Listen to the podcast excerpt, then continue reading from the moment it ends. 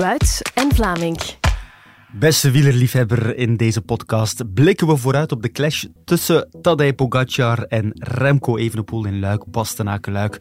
We maken een balans op van de Belgen dit voorjaar en daar heeft onze gast alles mee te maken. Maar beginnen doen we natuurlijk zometeen met de zoveelste overwinning van Tadej Pogacar. Maar Eerst moet ik mijn eh, vaste compagnon feliciteren, Michel Proficiat, met de Jean Nelissen Award. Dat is een eh, trofee uitgereikt aan een sportjournalist, verslaggever met de bijzondere verdiensten. Proficiat. Dank u wel. je hebt er toch een, eh, een, glaasje opgedronken? Ja. Of twee? Ehm, in Nederland houdt me dan meestal bij koffie en gebak. taart en gebak overvloedig met chantilly overspoten. Maar er was ook een glaasje wit. Okay. En ik heb twee glaasjes wit naar binnen gekieperd en mijn vrouw de sleutel veranderd. Dat is, Van de auto, hè? Altijd. slim. Michel, we hebben zoals elke week een gast in ons midden. Iemand die de koers gedetailleerd bekijkt en de vingers aan de pols houdt. Vooral dan als het over de Belgen gaat. Bondscoach Sven van Toernout. Dag Sven, het is al eh, even geleden dat ik jou gezien heb. Hè? De laatste keer was helemaal in het begin van het voorjaar. Genoten van het voorjaar tot, uh, tot nu. Het is nog één weekje. Uh, absoluut. Ik denk los van uh, mijn functie als, als wielerliefhebber, denk ik dat we echt kunnen uh, genieten hebben van het uh, spektakel afgelopen weken. Zeker en vast, wat een spektakel hebben we gekregen. Goed heren, laten we eraan beginnen, maar deze keer geef ik het woord niet aan de winnaar, wel aan de man die met zijn auto in volle finale een tijd lang vlak achter en daarna ook nog een tijd vlak voordat hij Pogacar reed. Iedereen weet dat uh, zoiets voordeel oplevert voor de renner in kwestie. Maar koersdirecteur Leo van Vliet ziet er geen graten in. Luister maar naar dit interview van Pim Bruinzeels, een Nederlandse collega van uh, eh, AD en In het Wiel. Er is na de wedstrijd uh, een klein beetje commotie ontstaan, zowel online als, als bij het paddock, bij de bussen. Ja? Op 13, 12 kilometer van de ja, rijdt, rijdt de jury aan. Dat, dat, heb ik ook gehoord. En, ja, als je natuurlijk een foto maakt als wij passeren. Wij, wij reden erachter en op een gegeven moment komt die kort erbij. Dan moet je er vandaan. En ik weet het het wordt alleen maar smaller. Nou, toen zijn we er voorbij gereden. Maar dan moet je ook voorzichtig zijn, want het was niet zo breed. En ja, als iemand dan een foto maakt en die zegt, ja, red de auto ervoor. Dat, ja. ja, wat kan je daarmee? Ja, wat, wat moet ik ermee? Nee, ja, ja, ik denk dat we beter kijken en kijken wat voor mooie koers gekeken hebben. Eh, ik weet ook niet wat, wat, wat, wat dat voor zin heeft, maar ja, dat is met de media of weet ik wat. Ja, ze zeggen ook van, hè, blijft er zeker een kilometer, 500 meter toch wel op, op, op 20 meter voorrijden. Nee, dat is helemaal niet waar. Je gaat de beelden maar kijken dus. De beelden, waar rij je er wel voor? Maar daar heb, daar heb hij toch helemaal niks aan? Nee. Ja. Dat weet ik niet. Ze zeggen toch uh, dat, dat als een auto 20 meter ervoor rijdt, dat je daar wel voordeel van kan hebben, toch? moet je dat uitproberen. Ik, ik heb zelf ook gefietst, ik kan me niet voorstellen. Nee, nee, nee. Dus jij hebt het anders beleefd als, als, als wat de mensen horen. Ja, maar ik, wat heb ik voor baat om dat te doen? Als, als, dus wij rijden ver genoeg voor. Dus er is niks aan de hand. Nee, ik zie op Twitter ook voorbij komen. Ja, hij wil natuurlijk graag dat Pogacar wint en niet de naam als Ben Healy. Ja, maar ja, dat, dat, dat ja. laat ze maar doen, joh. Ja. Ik ken er niks mee. Ja, laat ze maar doen. Geen voordeel. Sven, dat kan je toch tegenspreken? Uh, ja, dat, dat, dat denk ik. Kunnen we met z'n allen wel tegenspreken. En ehm, ja, het, is, het is jammer. Het is heel jammer dat dit in uh, zo'n type koers moet gebeuren. Um, want inderdaad, zoals Leo ook zelf zegt, na een fantastische koers vond ik dat zeker niet, uh, niet nodig. Was dit wedstrijdvervalsing, Michel? Gedurende 17 à 18 seconden. Ik heb gisteren uh, de opname nog eens uh, herbekeken en getimed. Het is natuurlijk moeilijk, want de regisseur van uh, de Nederlandse televisie is zo slim om weg te knippen als uh, de wedstrijdauto ervoor rijdt. Dus je hebt het niet precies.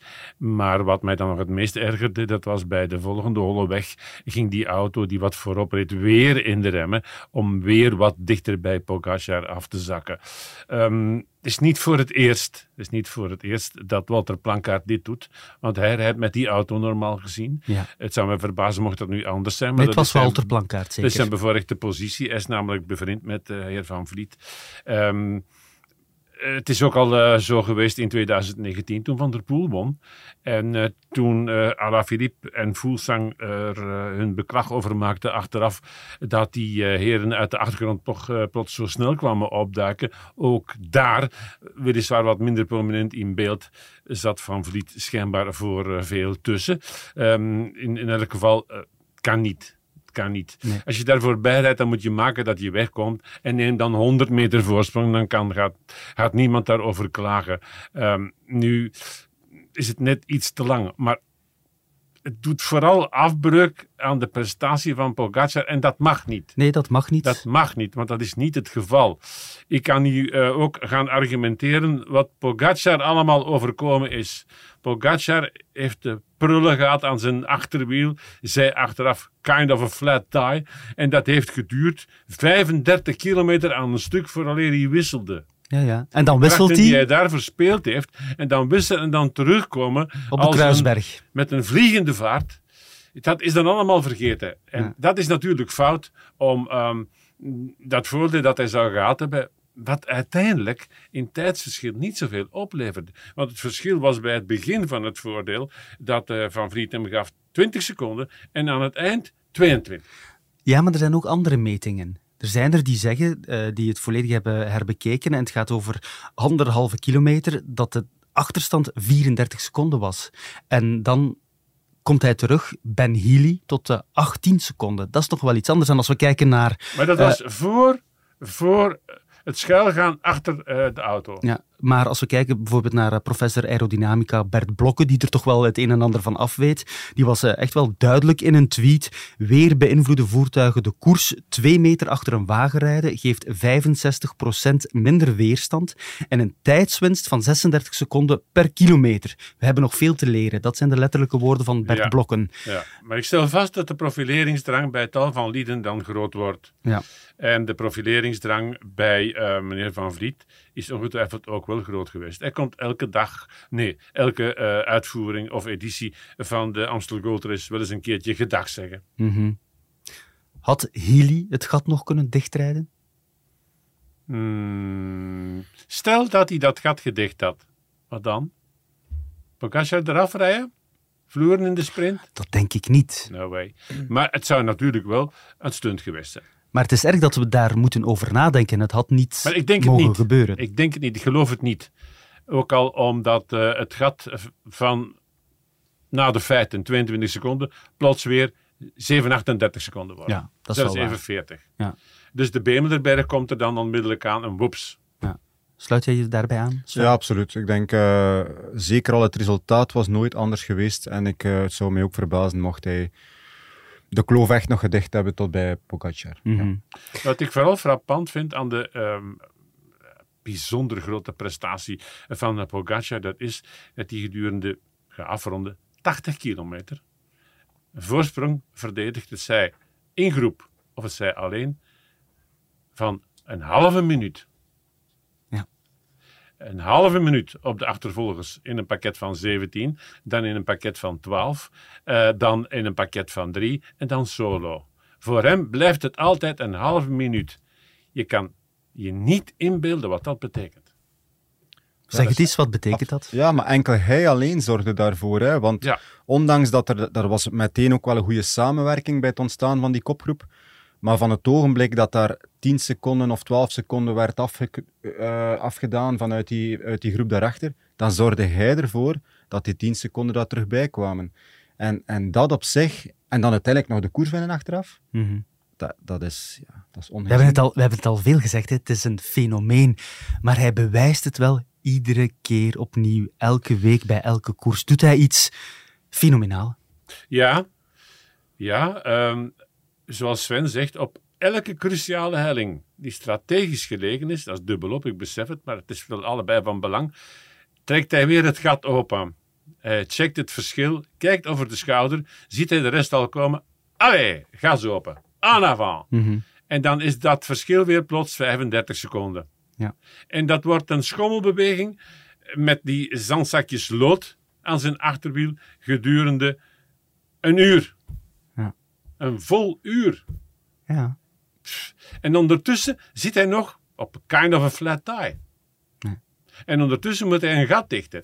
En wordt hij nerveus. Je krijgt hem zelden nerveus, maar nu denk ik, zit hij toch wel met enige vorm van nervositeit. Omdat het duurt en duurt en duurt voordat hij aan een nieuwe fiets komt. Ja.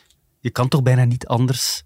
Ik weet het, wij zijn journalisten, wij moeten objectief uh, blijven. Je bent bondscoach, Sven, mm -hmm. dat is nog een andere zaak. Maar je kan toch bijna niet anders dan supporter zijn op de een of andere manier voor Tadej Pogacar? Dat ben je volgens mij al vooraf. Uh, je neemt de deelnemerslijst in handen en je ziet dat er maar één bovenuit steekt. Want eerlijk gezegd, dit moet zowat de slapste deelnemerslijst geweest zijn van de Amsterdam Gold Race in 20 jaar. Mhm. En voor uh, wat daarvoor gekomen is, spreek ik me niet uit. Maar ik was verrast door het aantal passers. En dat is eigenlijk al een tijdje aan de gang. Vorig jaar was dat ook al zo. Dat uh, Kwiatkowski en Cosnefroid uiteindelijk sprinten voor winst, dat is uh, um, mooi voor hen. Dat is een schitterende prestatie, maar dat is veel betekenend. Mm. Toen was Van der Poel er wel bij, dat moet ik wel toegeven. Maar de, de, de almacht van uh, de monumenten die wordt zo groot dat zelfs de nevenklassiekers platgedrukt worden. Ja. Dus dat moet ik wel toegeven. Je had Pogacar, je had dan geen mannen die twee sterren mogen krijgen en dan had je de één sterretjes. Ja. En die schoten tekort. Je zegt de almacht van de monumenten. Nochtans, Leo van Vliet, hier zijn we weer. Vindt dat zijn koers, de Amstel Gold Race, mag bestempeld worden als een uh, monument? Nee. Nee. Daarvoor komt de Amsterdam Gold Race nog net tekort. De klassieker, zonder enige twijfel. Daarvoor heeft de wedstrijd ook uh, voldoende leeftijd. Bestaat van 1966. Um, dat is lang genoeg. 50 jaar is namelijk de grens. Volgens ooit is een keertje een regel opgesteld of gesuggereerd bij de UCI. Um, daar is hij nu een, eindje boven. Um, maar een monument, nee. nee. Daarvoor heeft het de perceptie misschien ook een beetje tegen. Zeker gezien ja, die incidenten van de voorbije jaren. Hè, die slechte meting van de tijdsverschillen, uh, gedoe met de fotofinish. Nu gisteren ook opnieuw de koersdirecteur zelf die uh, commotie ja, ja, veroorzaakt. Uiteraard, hè. Dat als helpt je, niet, hè? Nee, nee, als je van je, van je koers een monument wilt maken, dan, ja, dan die zaken uh, moet je dan al zeker uit de weg kunnen gaan om, om, om dat dan te gaan bekomen. Maar uh, ik sluit me ergens wel aan bij Michel. Voor mij is dat ook niet... Uh, het is een fantastische klassieker met heel veel geschiedenis. En iedereen wil die uiteraard ook op zijn palmarès hebben. Um, maar ik denk als we, als we ja, dan, dan gaat ook later Gent-Wevelgem of de E3, dan gaan die op den duur ook wel een, een monument opeisen. Ik denk, de Amstel is, uh, is en blijft de Amstel. Uh, heel mooie koers. Maar er zijn wel monumenten die, dan, die daar nog net boven staan. Mm-hmm. Moet je ook de vraag stellen, is dat de schuld van de organisatie? Is dat de schuld van de Amstel Toekoer aan zich? Uh, zeker niet de schuld van het landschap, want dat is bijzonder mooi. Die inbedding die is fantastisch. Prachtig. Ik denk dat het vooral de schuld is van de groten die in grote mate passen. Um, uh, Roglic en uh, consorten. Um, ik voeg daar Almeida bij. Ik voeg daar McNulty bij. Uh, en ga zo maar door. Ja, dan de neus op. Ja, maar ik vind het wel jammer. Want dat, is, dat is bijzonder jammer. Ik, ik heb hier in deze podcast al een paar keer gezegd waarom doet Evenepoel niet mee aan de Amstel Gold Race. Dat is een Hmm. wedstrijd die hij moet liggen. Ja, maar nu alles op de Giro natuurlijk. Waarom? Denk jij dat het betwisten of het meedoen aan de Amstel Gold Race, dat dat een pad in de korf gaat zetten in zijn voorbereiding, gaat zetten in zijn voorbereiding naar de Giro? Nee, dan hadden ze die beslissing wel een aantal maanden geleden moeten nemen. En nu is er een, uh, een focus, is er een plan en ze willen dat uh, plan volledig tot in Daar- de puntjes daar- uitvoeren. daar Ik denk dat dat de reden Daar heb is. ik enigszins begrip voor. Maar eh Pogacar bewijst eh, dat eh you don't have to stick to your plan. Je kan er ook van afwijken en dan ook nog eens grens te slaan. Was Pogacar van plan om de Ruta del Sol te rijden? Aanvankelijk niet. Was die van plan om Parijs-Nice te rijden? Nee, aanvankelijk niet. Doet dat en wint dat allemaal. Maar iedereen heeft zijn... maakt eigen keuzes natuurlijk. Maar Ja, ik, eh, absoluut. ik begrijp het. En misschien komt dat wel op termijn, hè, want uiteindelijk, ik denk, Remco zit ook nog wel in die fase van. ehm, hij, hij wil natuurlijk die Vuelta gaan bevestigen straks. Hè. Hij wil dat ergens doen met, met podiumterrein in het eindklassement van de Giro. Ehm, mocht dat allemaal wel het geval zijn, dan denk ik dat dat binnen een jaar of twee wel zou kunnen dat hij wel eens durft af te stappen van dat plan. Wanneer dat die bevestiging er voldoende is geweest of gekomen, ehm, dan kan je wel al eens ja, een ommetje maken, Mhm. zoals Pogacar nu doet.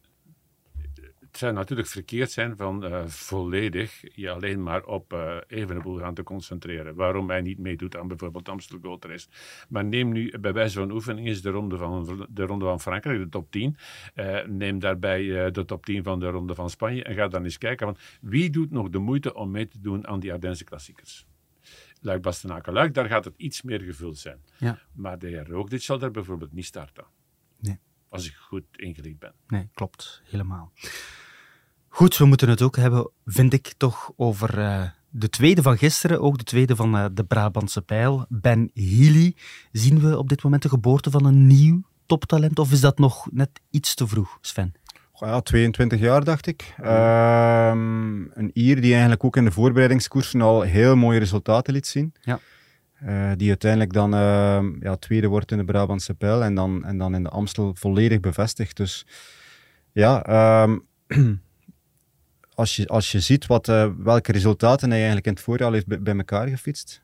Je bent uh, de Grand Prix Industria en Klopt. Artigianato, spreek ik het goed uit? Ja, perfect. Uh, en de, ook een uh, etappe in de Settimana Internationale Coppa Bartali. Ja, klopt. Dus dat ja. zijn niet de grootste koersen natuurlijk, nee, nee, maar, maar dan laat je wel al maar iets je zien. Begint ergens, hè. Je, begint, je begint ergens en ergens winnen is... iedereen wil ergens wel eens een koers winnen. Maar om tegenwoordig ergens een koers te gaan winnen, moet je wel kwaliteiten hebben. En hij bevestigt, bevestigt dit nu alleen maar in, in, het, in het grote werk, zeg maar. Dus ja, knap, zeer knap. Hij wordt er in eerste instantie afgereden door uh, Tadej Pogacar op die uh, Keutenberg. Hij moet ook lossen van Tom Pitcock, maar uiteindelijk gaat hij terug naar Pitcock en gaat hij erover. Dat was toch wel knap wat hij deed, Healy. En hij maakt dan nog het gat dichter op uh, Pogacar. Dat bewijst dat hij volgens mij op de Keutenberg slim lost. En dat hij beseft van, ik moet op mijn eigen tempo door. En daarvoor heb ik wel uh, meeteenheden die mij zeggen van, je gaat je nu opblazen als je hier te ver meegaat. Um, maar dat hij uh, talent had, dat heb ik ook zelf moeten gaan opzoeken, geef ik greef toe. Want in de Brabantse pijl kwamen we voor mij quasi uit het niets. Mm -hmm. Maar dan ga je eens kijken naar wat hij bij de belofte gedaan heeft. Ronde van de toekomst. Dat hij um, niet stelselmatig, maar zo af en toe is een rit wint in de Ronde van de Toekomst. En dat hij ook eens een rit wint in uh, de Valle d'Aosta. Ja. En dat is wat anders natuurlijk. Hè. Die man kan klimmen, hè. Is er ook voor gemaakt. Hè. Ja. Maar het leukst van hem, aan zijn uitstraling, is... Het lijkt me wel de zoon van Neil Young. Neil Young. Urbanus dus, wordt ook gezegd. Dus, dus de een, jonge Urbanus. Dat is een, uh, een, een late hippie. Voilà. Dat onthouden we. Wat uh, moeten we onthouden van uh, Tom Pitcock? Uh, van het voorjaar? Of van, ja, misschien van het voorjaar, ja. ja de straat steekt daar natuurlijk wel bovenuit. Dat was echt wel een strafnummer dat hem daar neerzette. Hij heeft er natuurlijk een beetje pech gekend in, uh, in de Tirreno. Heeft die laatste wat, etappe, ja. ja. ja klopt. Uh, twee valpartijen in de Tirreno. Eén ja. keer uh, die, die, met Wout van Aert, als ik me goed herinner. En dan in de latere fase nog eens. Hersenschudding. Ja. Dus dat heeft wel wat tijd nodig gehad. Hè. Um, en wat je dan ook wel merkt, en heel verstandig is, um, is dat ze daar ook wel tijd voor nemen. Hij, hij neemt dan wel deel aan ja. de Ronde van Vlaanderen. Blijkt dat het toch niet zo heel goed is. Hij wordt daar 52ste, keert dan terug naar Andorra, waar hij woont, waar hij traint, om dan rustig terug aan de start te staan van de Amstel Gold Race. En hij heeft ja. het wel goed gedaan. Hij stond er toch weer. Zeker. Ja, ik merk daar enige voorzichtigheid. Wat we alleen maar, uh, ja, uh, waar we maar, maar, blij kunnen, kunnen om zijn, denk ik. Dat is in het verleden nooit anders geweest. Het zou kunnen dat de chaos die altijd in hem geleefd heeft, om zoveel mogelijk mm -hmm. mee te pakken. Ja. Uh, en zo gretig mogelijk te zijn dat die wat weg is en dat hij nu weer opbouwt. Doet hij mee aan de Ardennen? Uh, ik dacht het wel, ja. Ik durf het niet zeggen. Ik dacht dat, dat zou ik eigenlijk wel eens willen zien, hoe ver hij daar komt. Ja. Ik dacht dat hij er wel op stond voor ja. ja. Oké. Okay. Inderdaad, het zou uh, niet verbazen. Goed. Laten we even kijken naar de vrouwen. Het uh, perfecte ploegenspel bij SD Works alweer. Demi Vollering op 1, Lotte Kopecky op 2. Strade Bianche Revisited. Als je de overwinningen van Vollering en Kopecky samenlegt, hebben ze zowat het, uh, het hele voorjaar gewonnen. Wordt het te voorspelbaar, Michel? Als ik de koers gisteren bekeek, dan zou ik gedacht hebben... Nee, dan heb ik gezien dat Kopecky beter was. Hmm. En dat de Vollering het toch even moeilijk had, tenminste harder op de tanden moest bijten op de laatste Kouberg. En dat uh, voor de rest in alle voorgaande kilometers Vollering consequent bij Kopecky aan het wiel zat. Dus hier is het wedstrijdbeeld en wie moest winnen vooraf uitgetekend. Voilà. En dat is dan ook zo uitgekomen. Lotte je, moet het, je moet het nog altijd waarmaken. Hè? Zeker weten. Lotte Kopecky wint de Ronde van Vlaanderen. Demi Vollering wint de Nederlandse klassieker. Mooi verdeeld. Maar ja, dat je dat als ploeg... Is dat zo? zo... Ja, wat bedoel je? Ja, dat mooi verdeeld. Is dat zo? Maar zo denken ze toch wellicht bij de ploeg. Van kijk, een Nederlandse wint in Nederland, een, uh, een Belgische vind, vind, vind jij dat? Nee, ik vind dat de beste in koers mag winnen. Wie was de beste in uh, de Strade Bianche? Dat is een moeilijke discussie. Voor mij was dat Kopecky. Ja, voor mij was het ook wel Kopecky. Ik denk het ook wel. Wie ja. was gisteren de beste? Daar kun je eindeloos over uh, um, uh, gaan uh, discussiëren. Voldering was wel sterk. Sterker dan ik uiteindelijk verwachtte. Uh, op basis van datgene wat ik gezien heb op de Kaalberg. Want daar solo mocht er nog best wezen. Dus ze zal misschien wel een toneeltje gespeeld hebben. Maar wat mij opvalt, dat is dat de Vollering Kopecky mentaal de basis. Dat moet je even uitleggen. Dat de Vollering na afloop van de Strade Bianche Kopecky nog rap meegeeft. Nou, dat hadden we toch wel beter kunnen spelen. Mm -hmm. Hier hebben we een slechte beurt gemaakt, met andere woorden. Naar de buitenwereld toe. En dat je gisteren aan de lichaamstaal afleest dat Vollering Kopecky domineert. En dat Kopecky een soort van bevestiging nodig had naar Vollering toe van kijk, eh, omhels me nu maar eens, want ik heb het toch maar fijn voor jou gedaan. Mm -hmm. Volg je dit, Sven? Voor mij is duidelijk dat gisteren wel inderdaad Kopecky de sterkste in koers was en dat ze boven op de Kouberg echt zitten wachten en om te zien van, van waar Vollering zit. En, uh, en, en er zal wel duidelijk een afspraak gemaakt geweest zijn van, van bovenop op de Kouberg die aanval te plaatsen. En je ziet ook Kopecky gewoon wachten totdat het gebeurt. Um, mocht Kopecky met een ander truitje hebben gereden, dan, dan ja, voor mij was, dat, was, er geen twijfel mogelijk en, en wint Kopecky de Amstel. Er is nog iets, hè. Uh, dit was Kopecky's laatste kans. Klopt. Hè? Het is wel zo dat ze nu onmiddellijk overschakelt naar de piste. Om ja. in de wereldbeker te scoren, om zich te plaatsen voor de Spelen. Milton. Ja, Canada zeker, hè? Klopt. Um, Vollering heeft al Luik Bastenaken Luik gewonnen. Krijgt nog een kans, hè? En met de huidige vorm van Van Vleuten zou het zomaar eens kunnen dat het ook gaat gebeuren. -hmm. Maar goed, langs de andere kant, Lotte Kopecky heeft ook... zeven koersen gereden, Michel. Drie overwinningen, twee keer tweede. En daar is ze natuurlijk uh, bijzonder tevreden mee. Ja, ik uh, denk dat ik alleen maar tevreden kan zijn bij hoe dat gelopen is. Um, zeven wedstrijden, drie overwinningen, um, twee keer tweede. En de wedstrijden waar ik nu op podium eindigde, daar had ik... Uh, ja, pech zal ik maar zeggen. Um, dus ook met de ploeg um, hebben we bijna elke World Tour wedstrijd gewonnen. Dus um, ik denk dat we kunnen spreken van een heel geslaagd voorjaar. Zeer geslaagd. En zelf geeft ze zich een uh, 9 op 10. Juiste, correcte ja. weergave van haar voorjaar. Ja, dat is terecht. Hè. Uh, het is wel zo dat wij hier al een paar keer gezegd hebben, Kopecky is zonder meer de beste wielrenster van het voorjaar. Maar het zou kunnen aan het eind, na Luik Bastenaken-Luik, dat dat in overwinningen niet zo is. Hmm. Maar goed, uh, de vraag is, uh, doet ze dan beter aan om kopvrouw te worden in een ploeg voor haar apart? En gaat ze dan nog even succesrijk zijn? Dat is weer een ander paar. Het is een luxe om in zo'n ploeg te rijden. Hè? Ja, want natuurlijk, inderdaad, dat is wat ik ging eraan toevoegen. Hè. De ploeg zorgt er ook natuurlijk ook wel mede voor dat ze die drie overwinningen behaalt. Hè. Ze, heeft, uh, ze kan rekenen op een, op een sterke ploeg. En, en je merkt binnen het ja, dameswielrennen dat je dan toch wel ergens, stel dat ze voor een andere ploeg gaat rijden, ja, kan ze dan rekenen op die sterkte onder haar. Um, je merkt dat dat toch binnen het dameswielrennen wat moeilijker is. Hè? Dat, uh, dat de breedte van kwaliteit daar nog niet volledig in, uh, aanwezig in is. Uh, dat er nog altijd groeiende is. Um, en, en ja, SD Works heeft dat natuurlijk goed gezien. Hè? Die, die hebben heel veel kwaliteit aan boord. Meer dan andere ploegen. En, en ja, ze benutten dat te volle. Nog één vraag over de vrouwenkoers. Is het tijdperk Marianne Vos en Annemiek van Vleuten definitief voorbij? Goed, Van Vleuten stopt op het einde van het jaar, maar... Uh... Wat Van Vleuten betreft zou ik zeggen, wacht toch nog even tot de eerste grote ronde gedaan is. Zeer gevaarlijk om nu al te zeggen van... Nee, het komt niet meer goed. Het zag er wel krakkemikkig uit. Dat lichaam trekt nu nog meer in bochten. En er komt geen kracht meer uit. Um, ik vrees ervoor.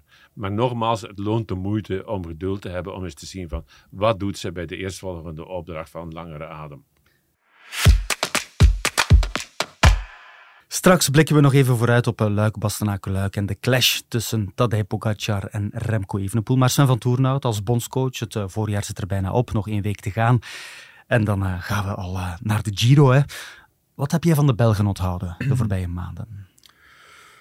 Uh, ja, naast, uh, naast Wout van Aert is de eerste naam die bij mij opkomt is Jasper, Jasper Philipsen. Hè.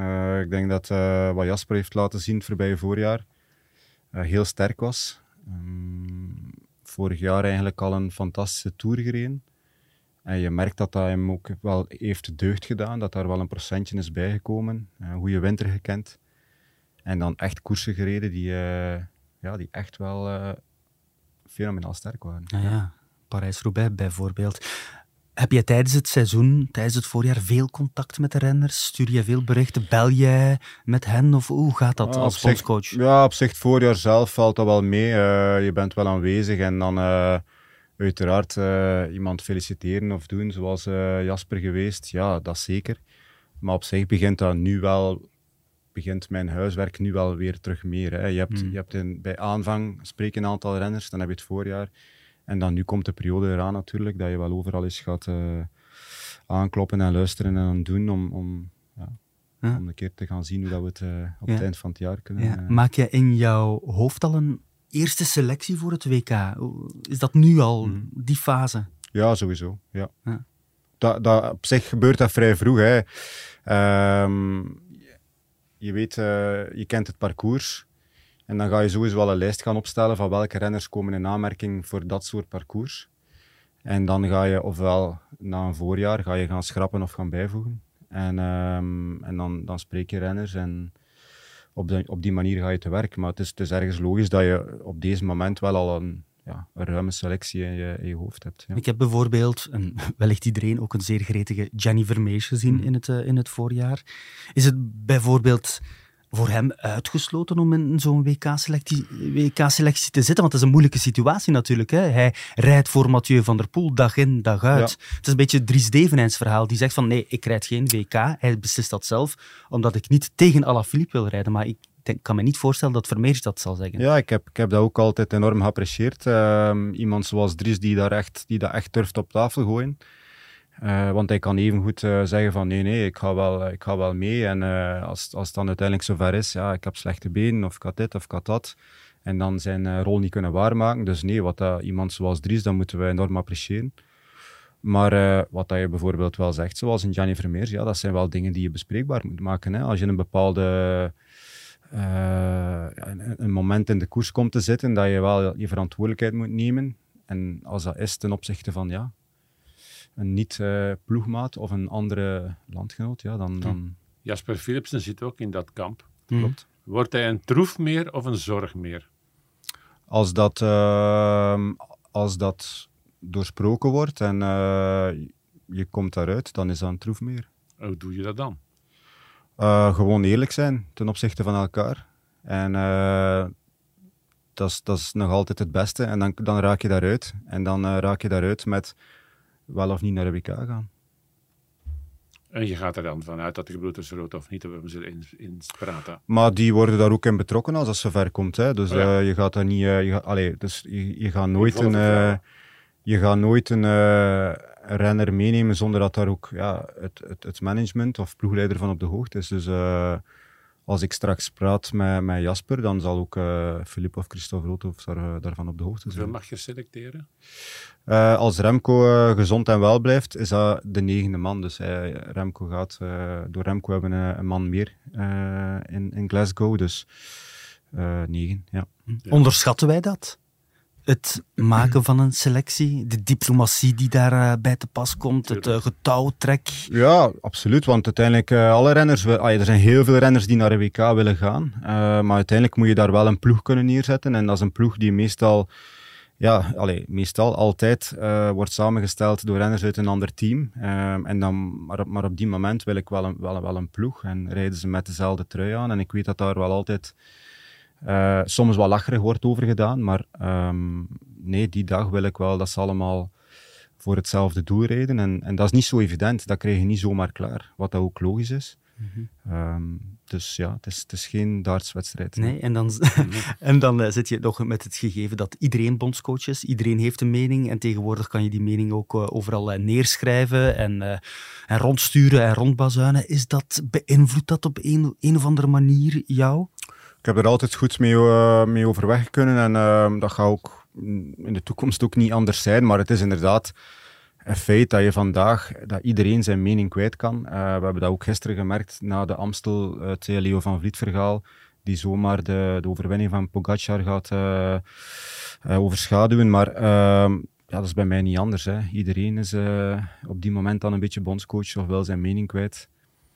ergens mag dat ook. Um, maar soms gaat het ook wel hard, moet ik zeggen. Dus ja, uh, ja je merkt dat wel. Dat is ook uh, dat is niet anders. Ja. Vorig jaar is bewezen dat het uh, kan. Ook al omdat uh, Evenepoel het bijzonder intelligent gespeeld heeft door in die relatief vroege vlucht van een goede 20 man mee te schuiven en daar zijn titel op gebouwd heeft. En dan hou je Van Aert achter de hand. Kun je dat ook met drie man doen? Um, ik denk dat wel, ja. Ik denk op zich uh, een parcours als Glasgow mogen we zeker niet onderschatten. Um, dat, is, dat is op zich een mogelijkheid. Ik vind als je negen renners, als je met negen renners van start kan gaan, dat je, je rijdt uiteindelijk om de koers te winnen. En uh, ja, als het met drie man kan. De Kouwer heeft het ooit gedaan met vier kopmannen. Met het Smid Museum van Peter en Van den Broeke. En dat is mede door de pech van Van den Broeke fout afgelopen. Uh, ja. Verona 99 ja, ik vind ook drie vind ik ook wel echt al uh, het maximum. Um, ik zou altijd met twee uh, mannen durven uh, spelen, maar ja, in dit geval nu is het ook anders. Je moet natuurlijk ook het parcours ook altijd goed voor de loop nemen. En um, ja, nogmaals, we rijden om de koers te winnen. De Tour gaat veel beslissen. Um, ja, al ben ik niet iemand die, uh, ik ben niet iemand die echt last minute uh, tickets uitdeelt. Uh, ik ben er een beetje voor gekend, denk ik, om, om goed op tijd hmm. mijn ronde te doen en om renners wat zekerheid te geven. Omdat we, ja, de dag van vandaag wordt er geen WK meer gereden met, of, of geen klassieker meer gereden of whatever, met, met een hoogtestage of een, of een ja, specifieke voorbereiding. Um, dus dan heb ik liever dat uh, jongens uh, daarmee rekening kunnen houden. En natuurlijk, ja, die laatste plaats of die voorlaatste plaats, dat, dat zijn meestal de moeilijkste of dat is meestal het langste wachten. Um, maar laten we zeggen dat ja, zes of zeven jongens voor de Tour misschien wel al weten dat ze het WK gaan rijden. Oh. Uh, laatste vraag, wat dat WK betreft, dat is de siesta, maar die in mij opkomt. Um, is dat een parcours dat geknipt is voor voorjaarsrenners van ons tippen? Ja, uh, Glasgow is, uh, het zou het langste WK ooit zijn, dacht ik. 270 kilometer, lang, ja. 3000 ehm, hoogtemeters, maar wordt vooral natuurlijk uit de lengte van de koers gehaald.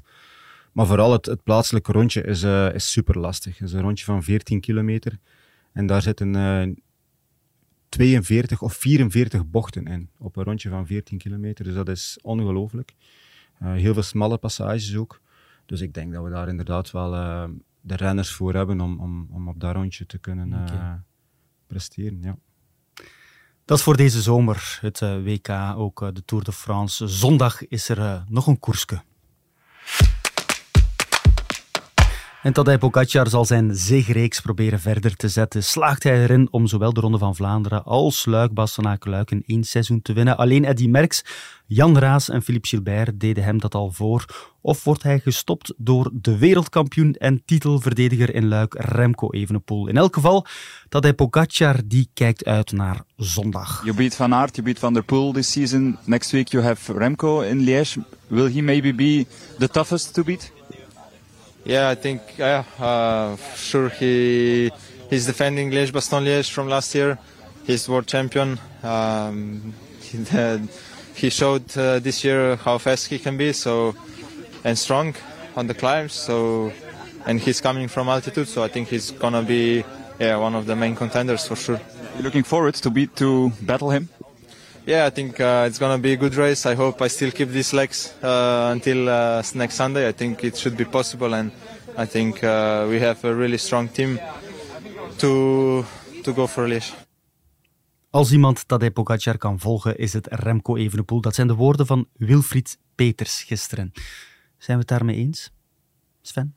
Oh, ja, ik denk dat wel. Hè. Ik bedoel, ah, um, we kennen ondertussen al uh, zeer goede kwaliteiten van Remco. En um, als hij echt goed terugkomt van, uh, van hoogte, dan, ja, dan is hij in staat om, uh, om te duelleren met Pogacar. Als hij echt goed terugkomt van hoogte. Dat is interessant, want op dit moment is hij nog op hoogtestage. Hij komt donderdag terug thuis.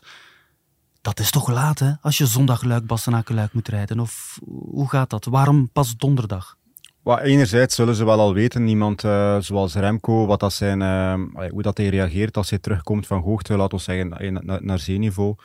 Uh, wat dat de reactie daarop is. Maar ik zou ook liever um, laat terugkeren dan, dan bijvoorbeeld nu vandaag al, of, of zes, zeven dagen op voorhand. Um, omdat toch bewezen is dat je meestal de eerste twee, drie, vier dagen na, na je terugkomst ben je wel meestal op je best. En dan kan het gebeuren dat je nog eens een klein depje krijgt, vooraleer dat je terug weer volledig kunt rekenen op die, op die compensatie. Maar uh, nee, ik vind, het, uh, ik vind het zeker niet onverstandig om, um, om pas donderdag terug te keren. Mm -hmm. Interessant. Evenepoel was al zeer goed dit voorjaar. Hij heeft wel nog niet tegen dat hij Pogacar gekoerst. Op basis van wat we nu al gezien hebben, Michel, dit voorjaar. Hoe schat, jullie, hoe schat je eigenlijk de verhoudingen tussen die uh, twee toppers? Dat is een zeer moeilijke oefening. Wat weten we eigenlijk van Evenepoel nu? Hmm. Goed, je gaat ervan uit dat hij uh, sinds Catalonië dat hij nog een uh, eindje beter is. Hè. Uh, daar zal die hoogtestage en al het werk dat hij daar geleverd heeft wel voor gezorgd hebben. dus in principe gaat hij met zijn frisheid daar nou goed genoeg zijn om Pogacar van antwoord te geven je kan je eerder vragen stellen bij Pogacar. Hmm. Die is uh, bezig van, denk ik, 13 februari. Toen won hij de Gran Paraíso in Jaén. Dat was toen nog op een speelse manier. Maar laten we zeggen dat hij nu toch al acht à negen weken op een zeer hoog niveau, tot topniveau aan het koersen is.